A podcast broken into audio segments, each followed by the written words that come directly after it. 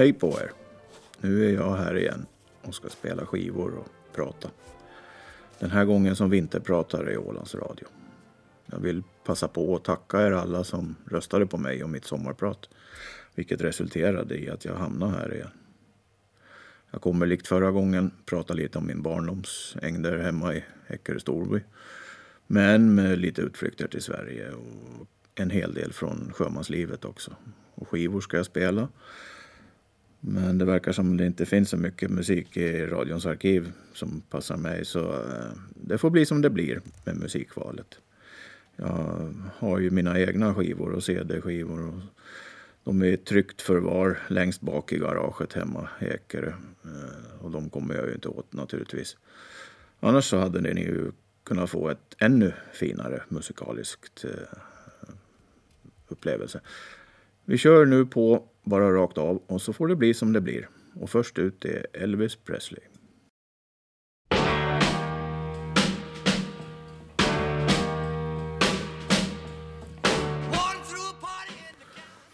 Det har hänt en del sen vi hördes av senast. Jag har ju flyttat hem till Storby efter drygt 35 år i Sverige. Jag har startat upp en liten restaurangrörelse centralt i Storby som jag nu driver ensam. Och det har varit bråda dagar de senaste månaderna kan man säga. Det började med att jag fick en förfrågan från ECC, Eckerö Cruising Club, att ta över deras lilla café som de nu hade byggt ut med ett eh, kök. Jag tyckte det lät intressant så jag gjorde ett besök hos ECC och konstaterade att det fanns ju en möjlighet att starta upp en verksamhet och så blev det.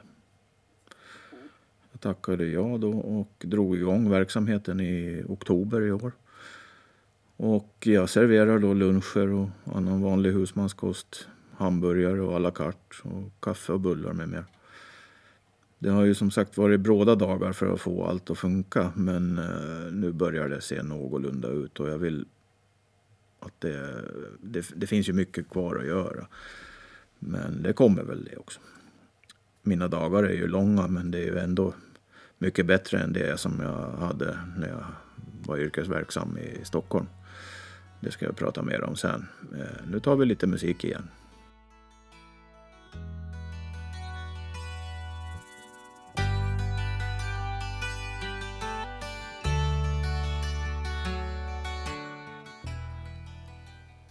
Att flytta hem till Åland var ju inget större problem, men däremot allt pappersexercerande.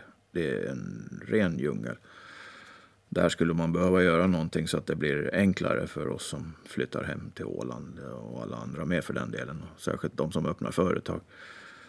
Det är väl någonting för dagens politiker att bita i. Visst finns det ju hjälp att få idag också men det är ju ändå du själv som ska göra allt jobb med, med det här.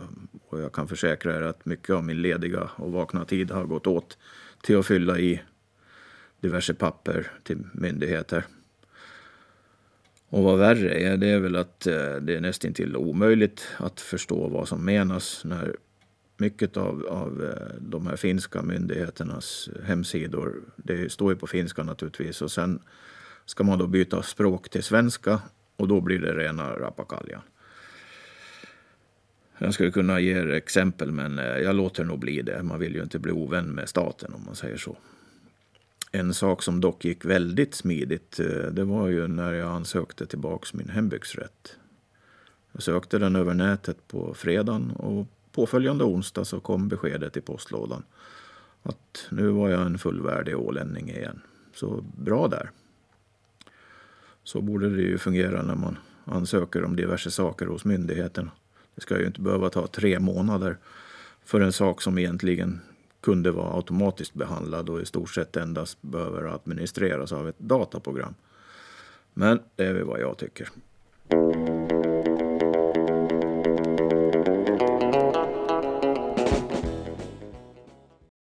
Historier från min barndom finns det ju många. Och en som var riktigt duktig på att berätta historier, det var ju min farmors far. Alarik Sidén.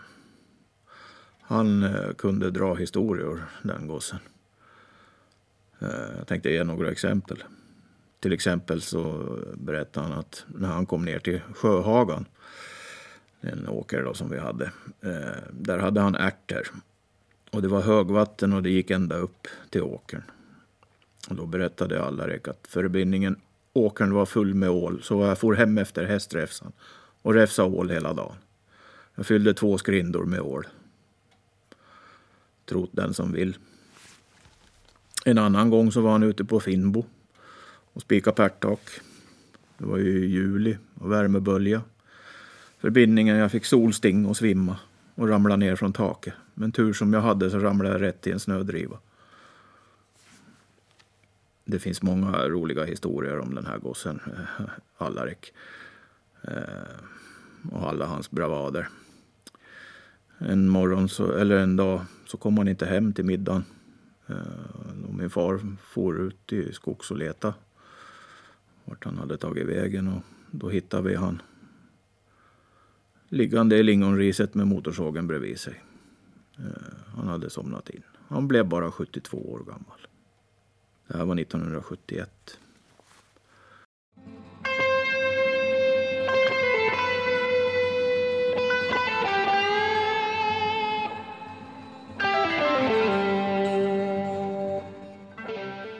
Nu ska jag berätta lite om hur det var att jobba i Stockholm under de senaste åren.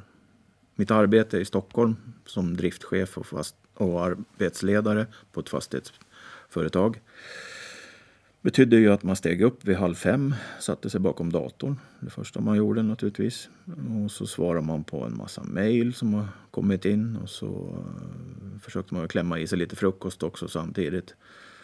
Och sen eh, en kvart över sex ungefär så satte man sig i bilen för färd in till Stockholm. Eh, vi bodde ju ute i Stockholms skärgård på en ö som heter Djurö, fyra och en halv mil öster om Slussen i, Stockholm. Eh, färden in till stan det betydde ju oftast en och en halv timmes bilkörning i bästa fall innan man var framme vid kontoret i Solna. Nu var man ju inte helt sysslolös under tiden i bilen utan telefon ringde ju ett och jag delegerade ju mina gubbar ute på fältet och samtala med våra uppdragsgivare och förvaltare och ja, andra. Eh, jag jag brukar ligga på mellan 50 och 100 inkommande samtal per dag. Så mycket telefon var det ju att prata. Utöver mitt jobb som driftchef och arbetsledare var jag också driftansvarig för ett av Stockholms större gallerior och köpcentrum, nämligen Bromma Blocks. Det är en nätt liten ansamling av eh, stora byggnader invid eh, Bromma flygplats. 90 butiker det är de gamla hangarerna som man har byggt om till galleria och butik. Ni kan ju tänka er ett köpcentrum som Maxinge, fast eh, tio gånger så stort. Då förstår ni kanske hur stort det var. När arbets arbetsdagen eh, närmade sig sitt slut så skulle man ju hem igen. Och då var man ju norr om stan så då skulle man ju köa in till stan först i en timme. Sen skulle man köa ut ur stan i en timme. Och hela tiden pratande i telefon, med handsfree förstås. Eh, men ingen lugn stund alls. Någonsin, typ. Väl hemma efter några timmar på vägarna så var det att kasta i sig lite mat och sen blev det några timmar igen med datorn för att svara på mejl, kolla attesteringar, tidrapporter, fakturor och en massa annat. Så jag kan lova att det var ganska mycket stress. Eh. Och utöver det här så hade jag även bakjour, som vi kallar det. Det vill säga telefonen var alltid på. Eh, det hände ju att polis, brandkår och jourfirmor kunde ringa mitt i natten om det hade hänt någonting. Det kunde vara brandlarm, det kunde vara inbrottslarm, det kunde vara någonting annat. Eh, likadant var det ju på helgerna när man skulle vara ledig. Jag var ju även ansvarig för ett 50-tal brandlarmsanläggningar och ett 20-tal sprinkleranläggningar i olika fastigheter runt om i Stockholm. Så varje gång det var ett fellarm eller ett skarpt larm eller någonting annat så ringde ju telefon. Som ni förstår så var det långt ifrån att man hann med allt man hade föresatt sig att göra på en dag. Som grädde på moset, eller lök på laxen kanske man ska säga, eh, hade man ju inte heller en lön som motsvarade det arbetet och ansvaret. Så att eh, jag började väl så små, smått inse då att eh, det här kommer ju inte att fungera. Jag kommer nog att sluta med en stroke i bästa fall. Så efter tre år så då fick det vara nog. Jag, jag sa upp mig helt enkelt. Tog ut mina, alla mina innestående semesterdagar som jag inte hade hunnit ta ut på flera år. Eh, och så en 500 timmar övertid. Allting tog jag ut och så, så lagom till midsommar i år så var jag en fri man, men utan arbete. Men då hade man i alla fall tid att få vila och reparera sig själv både kroppsligt och själsligt. Man är ju ingen ungdom längre, så det var nog dags. Jag hade en skön sommar hemma i Storby med familjen och min fru. Hon hade ju precis gått i förtida pension så vi hade lata dagar hela sommaren. Jag hade ju lite planer på att börja egen firma i Sverige och flera av mina uppdragsgivare ville ha mig att börja jobba åt dem men jag tackade nej. Och det var ju då här i höstas som chansen dök upp då med den här lilla restaurangen på Eckerö Cruising Club. Visst är det ju lite stressigt nu också ibland men inte på långa vägar så som det var på mitt förra arbete. Jag, jag trivs och jag hoppas att alla mina kunder gör det också. Det är tydligen ett bra sätt att banta också, att starta restaurangrörelse. Jag gick ner 10 kilo första månaden så nu måste jag nog snart börja köpa nya kläder. Eh, mindre storlekar. Det finns nog många kilo kvar och, och så att eh, det är nog...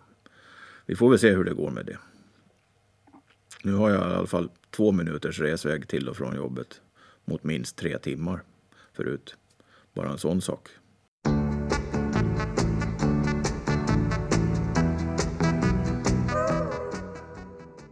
Nu tänker jag backa tillbaks ända till min barndom hemma på bondgården Börjes i Storby där jag växte upp.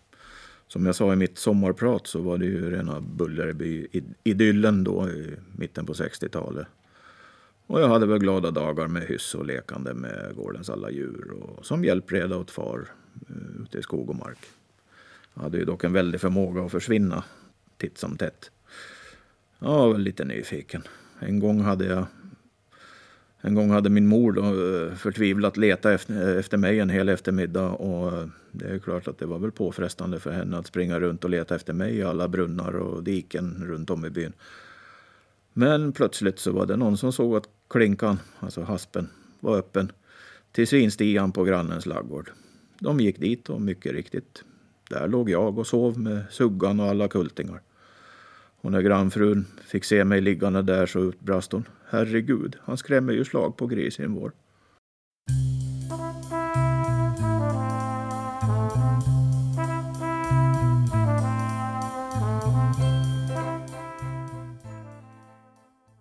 Juletid, eh, när jag var liten, det betydde ju bland annat ett fyllde år.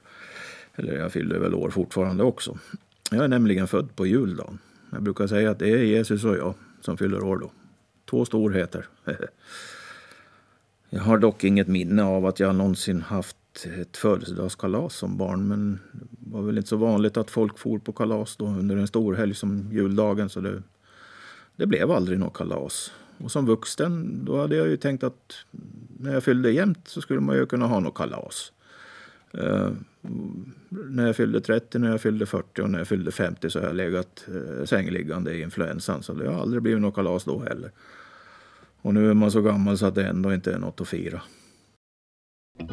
Här är mitt hem och allt jag har Finns här runt om mig under himmelklar Jag har farit världen vid Jag for till sjöss som 15-åring dagen efter att jag slutade grundskolan. Jag jobbade som spritkalle på Ålandslinjens Baronessan under ett tag på sommaren och sen blev det ju sjömansskolan. Och vintern 79 började jag som mässkalle på roro-fartyget Arona. Där blev jag kvar i två år och det var en trevlig tid. Man fick ju se delar av vår omvärld. Vi körde mycket på Europahamnar. Eh, staden Lübeck var vi ofta i och deras jul, julmarknad är ju, den är ju vida berömd. Vi var också i England rätt mycket och där brukar jag gå i land för att köpa LP-skivor. Minns att jag köpte många skivor som inte dök upp i de åländska skivbutikerna förrän ja, ett halvår senare. Så man var ju ganska populär när man kom hem med skivor som ingen sett eller hört ännu. Möjligen att någon hade väl hört dem i, svensk radio eller på Radio Luxemburg. Jag brukade extra knäcka som diskjockey på skoldanserna efter att Finska sjömansunionen fick för sig att redarnas krav på mindre besättningar på båtarna var en god anledning till att börja strejka. Så flaggade ju naturligtvis redarna ut många av de finska båtarna, även åländska. Så det blev ju plötsligt svårt att få jobb till sjöss. Så jag, och jag hade ju gått till land och börjat fiska istället.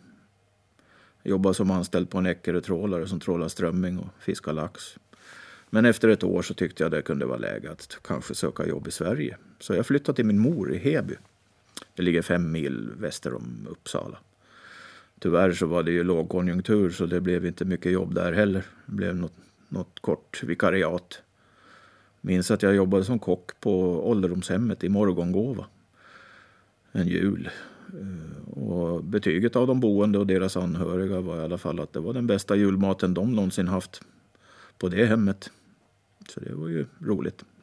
Nu lite musik. Always look on the bright side of life Always look on the light Nu ringde de från Eckerö och ville ha mig att jag skulle komma tillbaks till Eckerö och börja fiska på en annan trålare. Och så fick det ju bli. Jag skaffade en lägenhet i en av hyresbostäderna i Storby. Började fiska torsk i Ålands hav. Vi fiskade med långrev. Vi drog och la 16 000 krok varje dag. Och fick bra med torsk, så man tjänade ju bra. Men efter fyra år så tog ju torsken slut. Och då var ju jobbet som fiskare också slut. Så det, det, var dags att söka nytt jobb igen. Och då får jag tillbaka till Sverige. Jag fick jobb i Stockholm. Bodde inneboende hos en familj i Kista och jobbade i Solna på ett stort internationellt pumpföretag. Där jobbade jag då i fyra år som godsmottagare och lageransvarig. Och sen kom jag på den mindre goda idén att starta ett eget företag i byggbranschen. Tyvärr så var det ju ytterst dålig timing för det var precis då som all luft gick ur byggbranschen i Sverige. Så det blev konkurs ganska omgående. Och som, av en slump så fick jag eh, möjlighet att börja jobba på Rederi AB Slite som matros. Och där var jag ju kvar tills det gick i konkurs.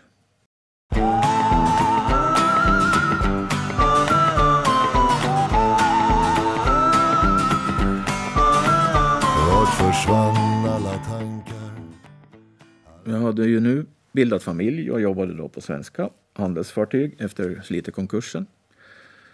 En av båtarna som jag var anställd på eh, var jag reparatör och matros på. Eh, det var en självlossare som hette Östanhav. Arbetet bestod ju mycket att hålla lossningsutrustningen i skick och det var ett arbete som aldrig tog slut. Man svetsade självlossningsutrustning eh, dagarna i ända och så vakthållning på nätterna. Eh, jobbigt visst, men bra betalt. Och över tiden fick man ju vederlag. Vederlag var ju betald ledighet då. Jag hade mycket övertid. Jag hade på en av båtarna där som jag jobbade på eh, jobbade jag 15 veckor och var resten av året ledig med lön. Eh, 1997 så bestämde ju svenska staten att sjömansskatten skulle bort så att vi skulle betala för mat och husrum ombord. Och då ruttnade jag väl helt på sjölivet. Så gick jag i land med en slutlön som inte alls var liten kan man säga. Jag satt hemma och, och sökte jobb men det var väl ingenting som tilltalade mig. Och sen fick jag en fråga från en liten torrlastare om jag kunde tänka mig att komma och jobba som kock. Och då tänkte jag att ja, det kan man väl göra. Eh, båten gick ju linjetrafik mellan Oxelösund och Tyskland. Och då kunde jag ju söka jobb i land eh, samtidigt ändå. Så. Barnen börjar ju nu bli så stora att de eh, det började bli dags att åka med sonen på fotbollsträningar och innebandy och dottern var ju snart där hon också. Så jag jobbade som maskinkunnig kockmatros under fyra månader och sen fick jag napp på ett jobb på Ericsson i Midsommarkransen. Deras ena lunchrestaurang behövde en allt-i-allo som kunde köra truck och hade köksvana. Så jag fick det jobbet och började jobba där då 1998.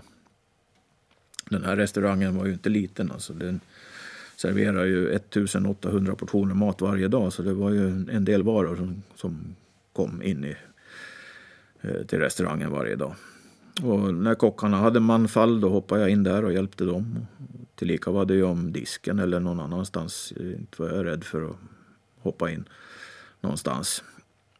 Där jobbade jag fram till att Ericsson började gå riktigt dåligt och det var ju runt eh, 2002.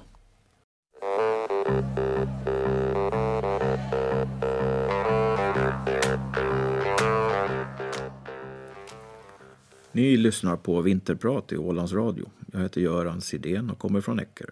Jag berättar här nu en del historier och upplevelser från mitt nu 57-åriga liv. Hemma på Djurö där vi bodde i ett radhus så fanns det en granne som brukade tjata på mig att jag skulle börja jobba på samma fastighetsföretag som honom. Och så fick det bli. Jag jobbade nu som fastighetstekniker på ett stort fastighetsbolag i Stockholm. Jag hade hand om driften i ett antal fastigheter runt om i stan. Som av en händelse så var ju ett av objekten som jag hade hand om Ericssons gamla fastighetskomplex i Kungens Kurva. En nätt liten samling kåkar, uh, ungefär i storlek som Ålands centralsjukhus, fast gånger två. Då. Och det skötte jag ensam. Visserligen var det ju i stort sett tomt på folk eftersom Ericsson hade ju mer eller mindre lagt ner all sin verksamhet i Sverige. Eh, de hade sålt fastigheterna, men eh, det skulle ju underhållas ändå. Ventilation och värme och allt sånt där ska ju funka. Och det fanns ju faktiskt några små företag som satt kvar i, i fastigheten också. Det fanns en fastighet där det fanns en jordbävningssimulator. Den eh, var ganska häftig att få se i in action när de testade telefonväxlar som skulle hålla för jordbävningar på upp till 10 på Richterskalan. Ja, väldigt häftig manick. På området så byggde man om två av de gamla kontorshusen till hotell. Och det här var väl vid jultag tror jag. Eh, och då, då hände det en grej. Man hade testat den nya sprinkleranläggningen en fredag eftermiddag. Och sen så eh, lämnar man systemet trycksatt. Eh, byggarna och alla andra vvs och sånt, de drog hem till Estland. För det var ju estländare som byggde det där. De for dit över helgen. Julhelgen förmodligen. Och när jag kom tillbaks på jobb eh, efter helgen så var det 25 grader kallt. Och när jag åkte med min bil förbi hotellet så ser jag att det verkar vara något som inte stämmer riktigt eftersom hela hotellet ser ut som en jätteiglo. Och tjocka lager med is längs eh, ytterväggarna. Och det var ju så mycket is att det gick inte att ta sig in genom dörrarna ens. Så att jag fick eh, gå in i en annan byggnad och så in i de underjordiska gångarna som fanns i området. Och så kom jag upp i ett hus som fullständigt dryper av vatten. Jag stängde ju av vattnet naturligtvis och så ringde jag ju till förvaltare och byggare och de blev ju inte riktigt glada då. Det visade sig att eh, hotellet var ju färdigt möblerat inför premiäröppningen till nyår. Och byggaren hade ju sagt upp sin byggförsäkring så de, eh, eftersom de var i princip klara. Eh, allting fick ju rivas och byggas om på nytt och det blev en smäll på många tiotals miljoner för dem. Men nu står det hotell där i alla fall såg jag senast jag åkte förbi.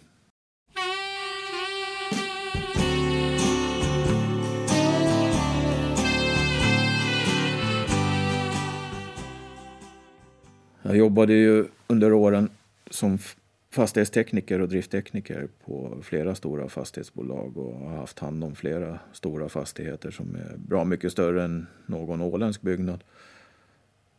Ett av de senaste fastigheterna jag skötte om var MTG-huset på Södermalm. Det är där man sänder ut eh, radio och tv-kanaler, bland annat Viasat och radiokanaler som Rix FM och Lugna Favoriter med flera. Där fick man en bra inblick i hur det funkar i media Sverige. Och så träffar man ju massor med kändisar dagligen. På gott och ont. Vissa är väl inte riktigt kloka. Men det kan jag ju inte berätta mer om här. Kanske Ålands radiokanal har något att lära. Det finns inga tomma bränsletankar där kan jag lova. För det var jag som hade hand om dem.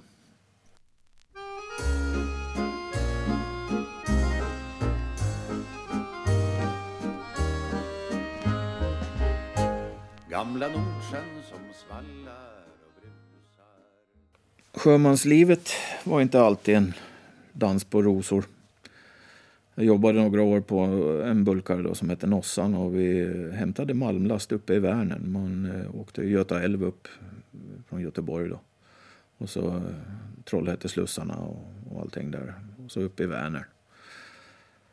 Uh, eh, det här var en gång vi skulle hämta virkeslast uppe i Karlstad. Och sen då skulle vi ner till England. Det var väl, ja det var nog kanske runt jultid det också. Och det var väl bland det värsta jag kom, som jag har varit med om i, i ovädersväg i alla fall eh, ute på Nordsjön. Vi låg och stampade i motvind i tre dygn utanför engelska kusten. Det var snöglopp och full orkan med 48 meter per sekund i byarna. Lite som Alfrida, hampiren i Ramsgate. Eh, ni kanske minns Ramsgate från Rederi AB Sallis tid. Den blåste fast eh, så båtarna blev kvar där inne. Eh, så det säger en del om hur det blåste och vi var ju utanför där. Det var ju liksom handroder och surrad vid rodret som gällde. Det var ju förstås en joystick och en bekväm fåtölj som man satt fast surrad i. Så man flög ju inte iväg över bryggan i alla fall. Man sov ju ingenting på flera dygn och mat det gick ju inte att laga så det fick ju bli någon brödbit.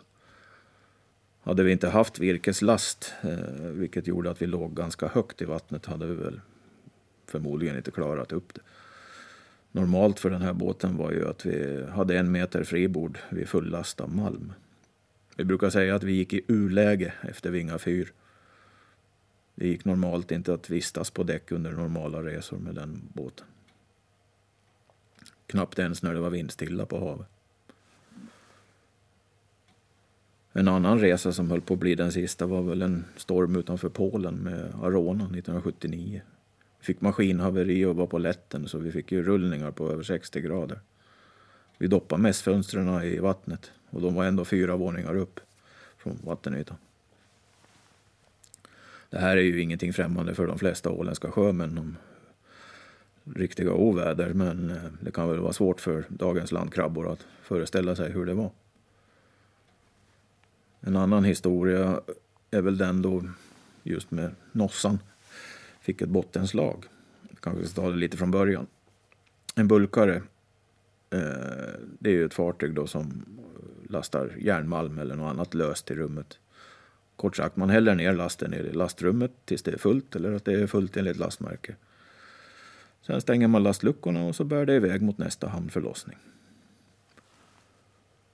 Nå, den här gången skulle vi runda Skagen, vilket inte brukade medföra någon som helst problem. Men nu var det lite lurig vind så vi hade vågorna som slog in snett akterifrån.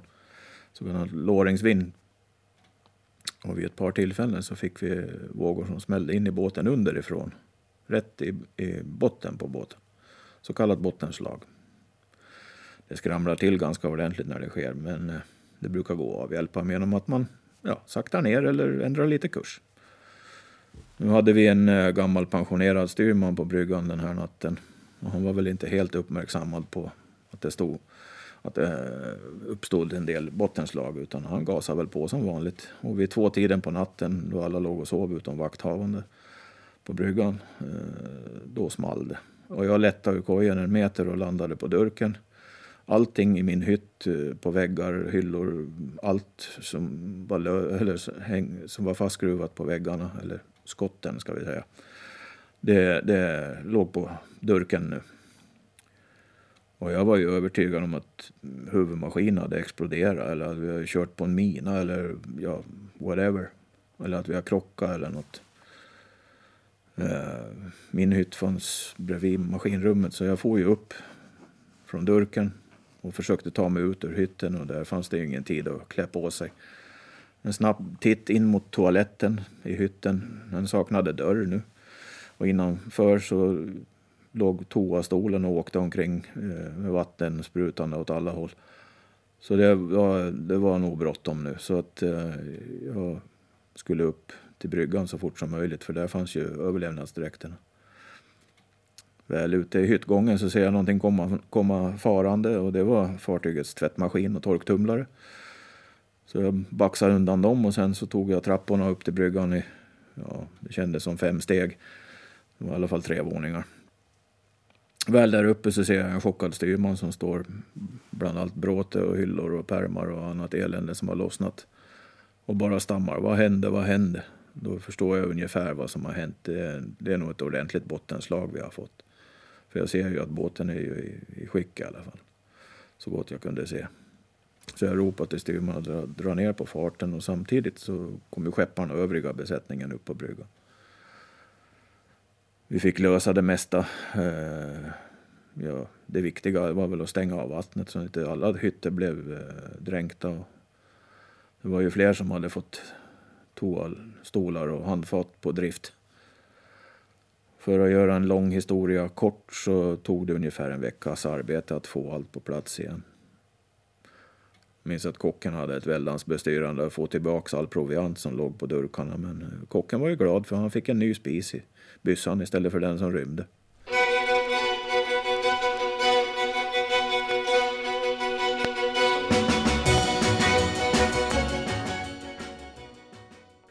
Ibland så kan det ju hända andra saker när man är till sjöss.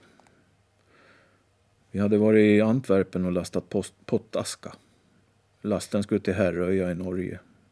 Under lördagen så började jag känna lite magverk men jag tänkte inte så mycket på det utan trodde det var väl någonting som kocken har misslyckats med igen. Och när jag vaknade på, på söndag morgon så då var det inte alls bra. Jag hade ordentligt ont i magen och kunde knappast ta mig upp ur kojen. Jag kravlade mig upp till, till skepparen på bryggan och meddelade, meddelade honom att eh, nu är det nog inga bra med Sidén. Så han ringde till Medical Center eh, för att få råd. Men de hade inte så mycket att komma med. Det var väl bara att vänta tills vi kom i hamn. Vi skulle väl ändå vara framme i Herröja eh, på eftermiddagen. Så då skulle vi i alla fall få bättre möjligheter till läkarhjälp. Jag hade ju, nu hade jag ju feber också och började misstänka att det, är nog, det kan nog vara blindtarmen som har sagt upp kontraktet. Skepparen ordnade tid för läkarundersökning via mäklaren.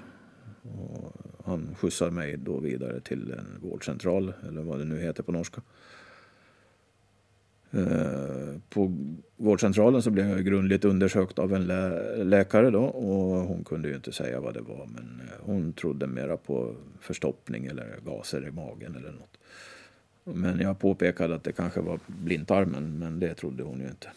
Lite medicin skulle nog göras susen då så att jag fick en näve piller och så blev det att åka tillbaka ombord och väl ombord så då började jag få riktigt ont och, och all min respekt för den norska sjukvården hade väl fått sig en ordentlig törn så att jag ville hem till Sverige.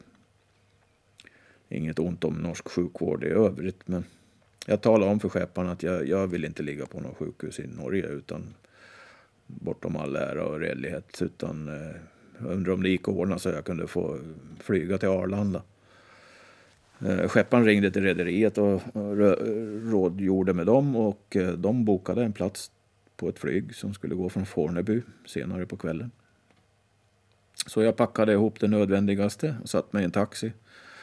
Och, de, och den körde mig sen hela vägen till Oslo. Taxiresan tog väl en tre timmar ungefär och varje gupp var en pina kan jag säga. Väl framme på flygplatsen så bar det iväg med ett trevligt, nästan folktomt SAS-plan. Eh, en anekdot där är väl att just den flygningen så hade de eh, fria drinkar. Och det var ju typiskt. det hade man ju ingen nytta av. När jag kom fram till Arlanda så blev det raka vägen med taxi till akuten på Danderyds sjukhus och där fick jag hjälp omedelbart. Eh, efter ungefär 45 minuters väntan och undersökningar så blev det till att läggas på operationsbordet. Då var jag ganska frånvarande. Sköterskan berättade att jag hade 41,7 i feber när de sprättade upp mig. Operationen gick bra. Dagen efter på ronden så berättade läkaren att min blindtarm den var i ett bedrövligt skick och hade nog kunnat explodera vilken sekund som helst. Det blev sex veckors eh, sjukskrivning och ett ärr tvärs över kaggen. Det som är lite skrämmande med sådana här allvarliga sjukdomsfall eh, till sjöss är väl att om man tänker på vad som kunde ha hänt ifall vi inte hade varit så nära land. Hade man varit mitt ute på Atlanten, ja, Då kanske man inte hade suttit här idag.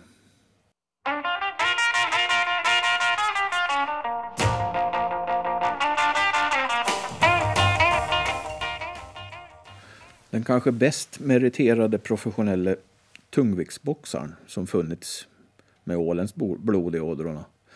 Det var faktiskt en släkting till mig, min fars kusin, William Carlson. Det är nämligen så här. Min farfar, som återflyttade till Eckerö från USA, han var född i New York, Brooklyn, av åländska föräldrar och hade bland annat en bror som bodde i New Jersey.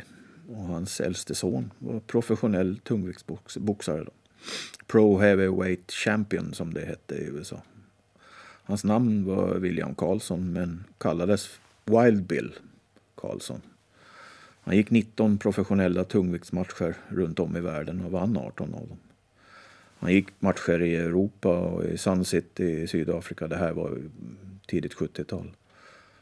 Eh, han vann även eh, USAs största boxningsturnering, Golden Glove.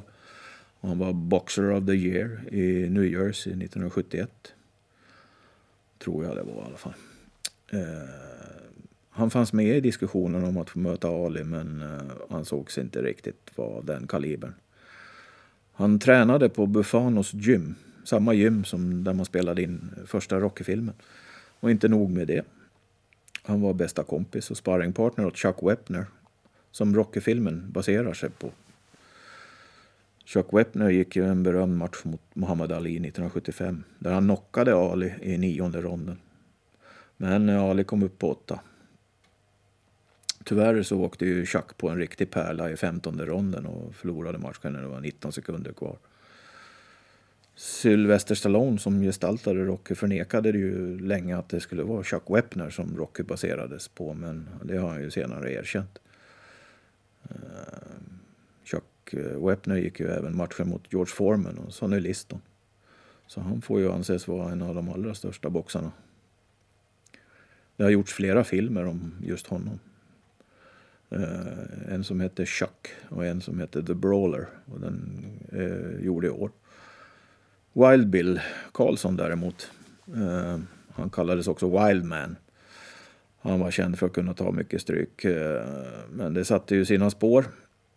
Efter avslutad karriär så gick det ut för och han eh, slutade sina dagar eh, överkörd på New Jersey Turnpike när han plockade pantburkar.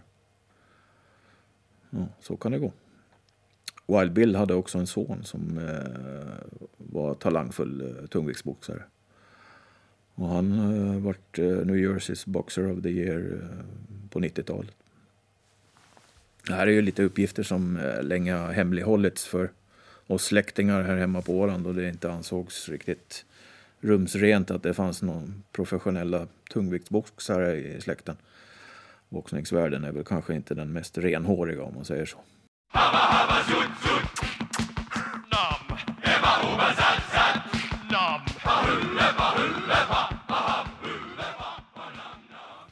Som barn minns jag att det var riktiga vintrar med snö och kyla och sådär. Jag fiskade ju med farsan på isarna då. Det var alltid spännande fiske och vi fick mycket gäddor och lakar. Lakromskaviar är väl bland det godaste man kan äta i romväg. Där ligger nog till och med löjrommen från Kalix i det. Minns att eh, en vårvinter så hade vädret slagit om ganska hastigt och plötsligt så hade det blivit förrädiska isar och vi hade ju våra saxar ute. Och de skulle ju bärgas naturligtvis. Eh, då fick ju farsan hitta ett par åror i stranden som eh, de la vi ut på isen och så gick man på årorna. Tills man kom eh, ut till saxarna. Det var väl kanske inte helt optimalt för en liten gosse på 8-9 år att ta sig fram på isen på det sättet. Men farsan ville ju ha mig med när det var något farligt. Ett annat exempel var ju när farsan han hade ju ett gammalt lager av dynamit eh, som han hade haft med sig från tiden i Sverige på parkförvaltningen i Västerås. Eh, de här dynamitgubbarna hade ju börjat svettas och det var ju ett tydligt tecken på att de, eh, då ska man nog börja vara lite försiktig med dem. Inga stötar eller något sånt för det, det kan smälla då. Så farsan hämtade mig han och så satte han en 10 kilos trälåda med dynamitgubbar i, dynamitgubbar i, i knät på mig. Eh, och så tog vi bilen till skogs för att gräva ner det. Det gick ju bra, men om någon kommer på idén att gräva just där vi grävde ner dynamiten så kan det ju bli spännande. Under några år så spelade jag i en blåsorkester. Det här var under högstadietiden. Och vår musiklärare, tillika kantor i Jomala kyrka, ville starta en blåsorkester. Han samlade ihop ett gäng gossar och så delades instrumenten ut. Jag fick bastuban för jag var ju den som orkade med den. Jag kan säga att vi spelade ju hellre än bra och det lät väl för bedrövligt men vi stretade ju på och lyckades väl med nöd och näppe få ihop något som med lite fantasi kunde låta som When the Saints Go Marching In. Vi uppträdde på skolavslutningarna och så några gånger faktiskt i kyrkan under högmässan till församlingsmedlemmarnas fasa. Lite raggarminnen. Eh, vi åkte ju runt på Åland på diverse danstillställningar. Under 70-80-talet så var det ju alltid dans någonstans. På Breidan, och Soltuna, Ekeborg och Hammarbo. Vi var ju ganska många som hade raggarbilar på den där tiden. Nu är det väl ja, samma gamla gubbar i min ålder som har råd med sådana bilar. Det var väl inte helt nyktert alla gånger och det blev väl bråk ibland. Men det brukar ju reda upp sig. Någon snyting fick man väl vara beredd att få ibland. Däremot så delar jag sällan ut någon själv. Jag var nog ganska snäll trots allt. Mest stor i käften. Våra resor ner till Mantorp eh, på sommaren var nog årets höjdpunkt när det innebar eh, hejdlöst eh, festande och dragracing i dagarna tre. Det finns många historier att berätta om de resorna men det lämpar sig nog inte för radio. Kanske inte i juletid. Det ska väl vara lite finstämt och vackert då. Nu börjar det bli dags att knyta ihop säcken och ta farväl för den här gången. Kanske vi hörs igen om något år. Man vet aldrig. Ha en riktigt god jul och ett gott nytt år allihop. Tack för mig.